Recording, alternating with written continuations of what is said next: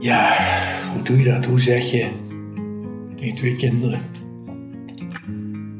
Je zus is dood. Dit is Ton Hoofwijk uit Sittard.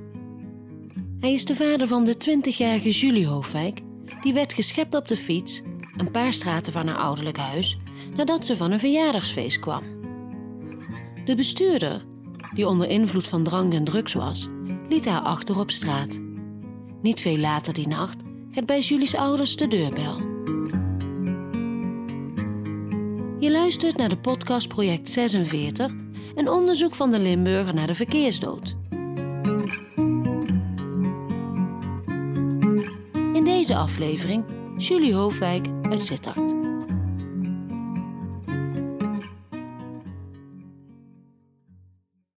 Het verjaardagsfeest van een van haar beste vriendinnen wil ze niet missen. Ze is er dit weekend speciaal voor uit Rotterdam naar Sittard gekomen. Julie Hoofwijk, 20 jaar, studeert geneeskunde in de havenstad. Ze woont daar ook, maar haar vriendinnen in het zuiden vergeet ze nooit. Eens in de drie weken komt ze terug naar Limburg om met ze te lunchen, thee te drinken en bij te kletsen. Haar weekenden in Sittard zitten altijd propvol met afspraken. Soms helpt ze haar jongste broertje met zijn studie. Die avond wordt de 21ste verjaardag van haar vriendin groots gevierd. Julie heeft er speciaal haar witte jurkje voor aangetrokken. Ze pakt de fiets van haar broertje, ook al is het feest zo'n drie straten verderop. Misschien gaan ze nog de stad in, je weet maar nooit. Even na half vier die zondagochtend 9 september 2018 stapt Julie op de fiets naar huis. Ze is moe en ze heeft met haar vader afgesproken die zondag te gaan wandelen en smiddags skikleding te gaan kopen met haar moeder. Ze wil een beetje fit zijn. In de Straatsburglaan wordt Julie plots van achteren geschept door een auto. De bestuurster heeft gedronken en drugs gebruikt. Na de botsing, waarbij Julie nog enige meters op de motorkap ligt voordat ze op de grond valt, laat de bestuurster haar achter op straat. Julie leeft dan niet meer.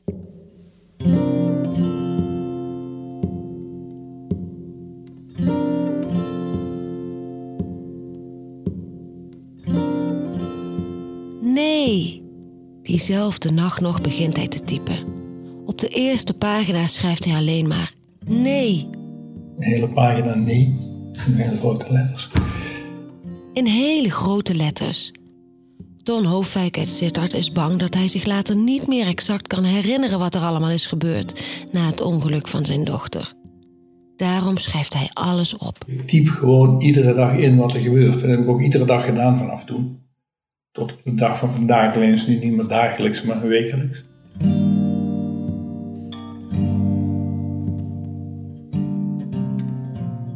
Ze is de sleutel vergeten, denkt Ton als hij die nacht de bel hoort.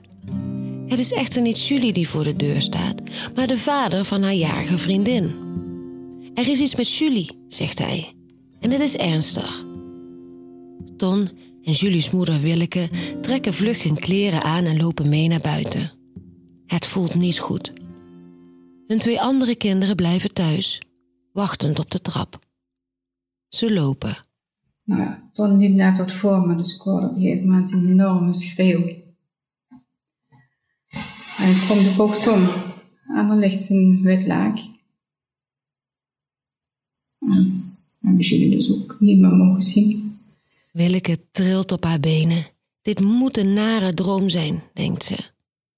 Ton, chirurg van beroep, is wel wat gewend, maar op dit moment weet hij even niets meer.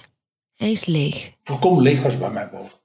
Ik zou kunnen opscheppen en roepen van eh, toen wist, wist ik wel wat er was. Dat wist ik niet. Ik, ik, het werd helemaal leeg. De ambulancebroeders zeiden hem maar niet te kijken. Kort daarna, thuis, moet hij het zijn zoons vertellen. Ja, hoe doe je dat? Hoe zeg je tegen twee kinderen? Je zus is dood. Ik zei, Julie is dood.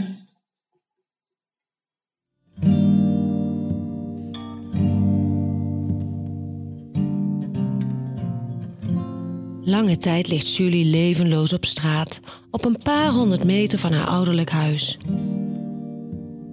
Waarom ze daar zo lang ligt, begrijpt Ton niet. Die nacht loopt hij zeker tien keer op en neer van zijn dochter naar huis, totdat de politie hem wegstuurt omdat ze onderzoek moeten doen. Wat er precies is gebeurd, is dan nog onduidelijk. Ton en Willeke weten alleen. Alleen dat er een, een ongeluk aan dat, dat dader gevlucht was. Rond half acht, als Ton weer naar de plek loopt waar zijn dochter ligt, is Julie weggehaald. Waar ze op dat moment is, weet hij niet. Later blijkt dat ze naar het mortuarium in Maastricht is gebracht. Maar wij wisten niet waar Julie was. Wij wisten niet dat ze daarheen was. Ton is er nog kwaad over. Op internet verschijnen die zondagochtend al vroeg foto's van de auto van de dader. De gevluchte bestuurster wordt diezelfde dag opgepakt. Journalisten bellen aan bij mensen in de straat. En de Limburger publiceert maandagochtend ook over het ongeluk en noemt Julie bij haar volledige naam. Verschrikkelijk. Ik moest nog zoveel mensen inlichten. Het is ook heel confronterend. En, Het doet eh, pijn, echt ja. pijn.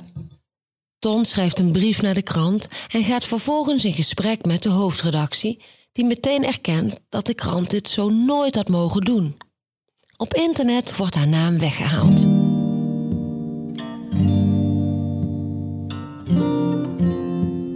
Julie was lief en ze stond altijd voor iedereen klaar, zeggen Ton en Willeke. En als het moeilijk werd, was dat voor haar altijd een prikkel om door te zetten. Willeke weet nog dat haar dochter naar een paar lessen wilde gaan surfen tijdens een vakantie in Bretagne. Door de harde wind was het moeilijk, zeker voor een beginner, om op die plank te blijven staan. Maar Julie ging door. Tot bloedens toe. Knieën kapot, handen kapot. Maar ze had, het gedaan. Dat was Julie. Als ze ergens voor stond, dan deed ze dat ook. Kon zich daarnaast ook moeilijk voorstellen dat anderen niet zo in elkaar zaten. Ze was een drukke meid, met een leven dat bestond uit studeren, de roeivereniging, skiën en vriendinnen. ik geloof het enige wat ze niet echt deed was slapen. Julie wilde arts worden, net als haar vader. Ze had chirurgenhanden, lange, slanke vingers. Bij de roeivereniging zat ze in meerdere commissies.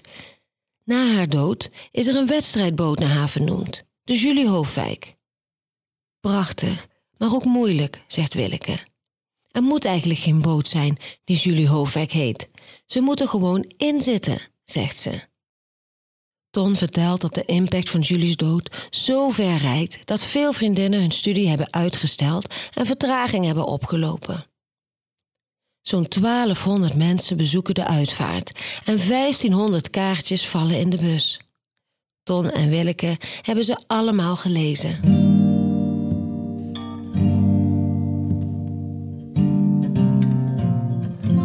Op 6 november 2019, ruim één jaar en twee maanden na het ongeval, komt de zaak voor de meervoudige Kamer in Maastricht. Met een touringcar zijn vrienden afgereisd om de zaak bij te wonen. Het is zo druk op de rechtbank dat er twee zalen worden ingericht waar de zaak via een videoverbinding kan worden gevolgd. Willeke en Ton lezen allebei een slachtofferverklaring voor. Ton vraagt de rechter de maximale straf op te leggen. Wel een heel stevig signaal aan de samenleving. Dit doen we niet. Tijdens de zitting blijkt dat de bestuurster onder invloed was van hennep, cocaïne en alcohol toen ze Julie schepte. In haar zwaar beschadigde auto reed ze na het ongeluk naar huis en liet Julie achter. Dat rekent de officier van justitie haar zwaar aan en eist een celstraf van 4,5 jaar. Maar de rechters beslissen anders en veroordelen de vrouw tot 12 maanden cel, waarvan 6 voorwaardelijk. Het Openbaar Ministerie vindt het onbegrijpelijk en gaat in hoger beroep. De rechtsgang zorgt voor extra pijn bij de familie. Als de rechters zeggen dat het ongeval louter verliezers kent en daarmee de nabestaanden en de dader op één lijn plaatst, ervaren Ton en Willeke dat als een klap in hun gezicht. Ook spreken de rechters van aanmerkelijke schuld en niet over hoge mate van schuld. Dat zal eindeloos nadreunen, zegt Ton. Ze hebben het gevoel dat de rechtbank heel erg onzorgvuldig is geweest. En niet alleen omdat hun namen in het vonnis verkeerd zijn gespeld. Als er een fatsoenlijke straf was opgelegd, zegt Ton, had hij misschien iets kunnen afsluiten. Julie is laat ik al, alleen de leeftijd van doodgaan tot aan oma, 68 jaar leven afgenomen. Hij is kwaad en dat gaat er niet meer uit.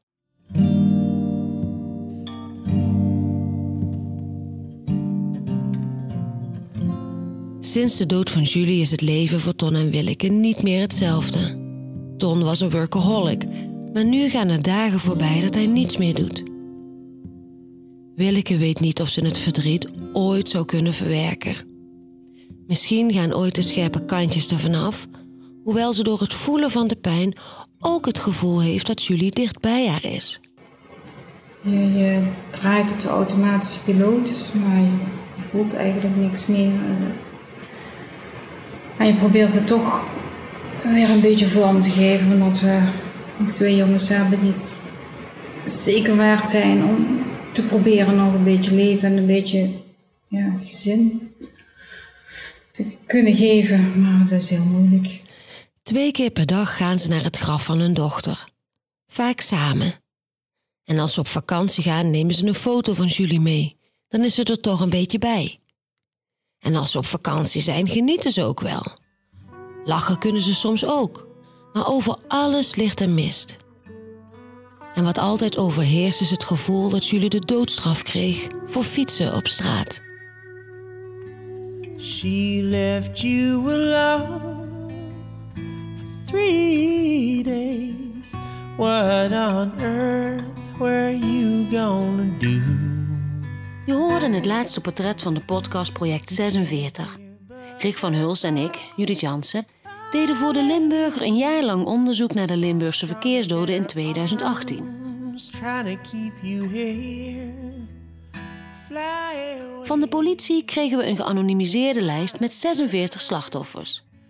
We gingen op zoek naar hun namen en verhalen. Er waren nabestaanden die twijfelden en niet wilden meewerken. En er waren slachtoffers die we niet konden vinden.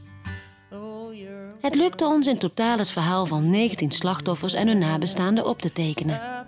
We hopen dat je zo een kijkje hebt gekregen in de impact van de verkeersdood. In de volgende aflevering blikken we terug. Wat hebben we geleerd? Voor mij was het altijd werken, werken, werken, voor iedereen zorgen. We hebben ook alle twee gezegd, nou gaan we zo schoon leven. Dan gaan we genieten van het leven. Wil je niets missen? Abonneer je dan op deze podcast. En als je ons project waardeert, mag je natuurlijk altijd een review achterlaten. Dat helpt anderen deze podcast ook te vinden. En wil je alvast vooruit luisteren? Alle afleveringen vind je gratis op delimburger.nl slash project 46. Three days here on earth.